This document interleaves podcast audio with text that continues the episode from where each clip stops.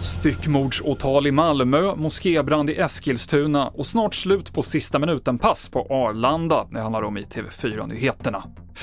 En 53-årig man åtalades idag för mord och grovt gravfridsbrott efter att kvarlevorna efter en man i 20-årsåldern hittats i hans lägenhet. Den åtalade uppsökte själv polisen tillsammans med sina socialsekreterare och berättade om det hela. Själv hävdar den åtalade mannen att han är oskyldig till mord, men han erkänner att han orsakat offrets död och att han styckat kroppen. Det brinner i en moské i Eskilstuna. Ingen har skadats, men huvudbyggnaden kommer brinna ner och räddningstjänsten försöker rädda två tillbyggnader. Brandorsaken är oklar och det har inletts en förundersökning om mordbrand.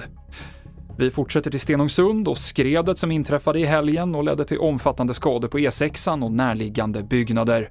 Idag har infrastrukturministern besökt rasplatsen tillsammans med kungen som kom för att visa sitt stöd.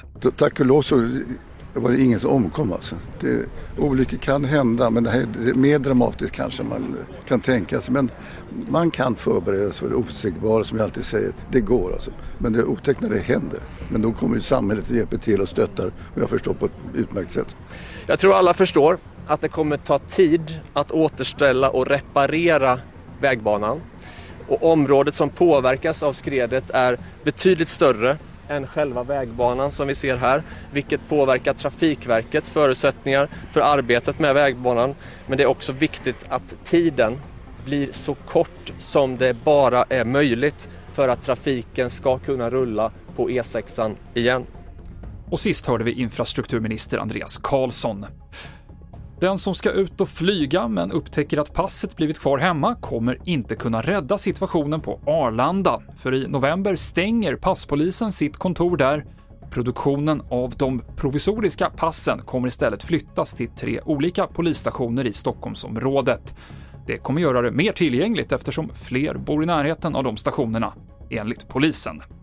Det avslutar TV4-nyheterna. Jag heter Mikael Klintevall.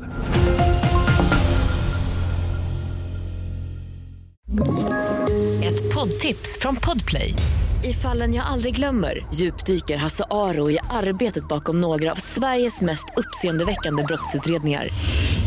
Går vi in med hemlig telefonavlyssning och, och då upplever vi att vi får en total förändring av hans beteende. Vad är det som händer nu? Vem är det som läcker? Och så säger han att jag är kriminell, jag har varit kriminell i hela mitt liv men att mörda ett barn, där går min gräns. Nya säsongen av Fallen jag aldrig glömmer på Podplay.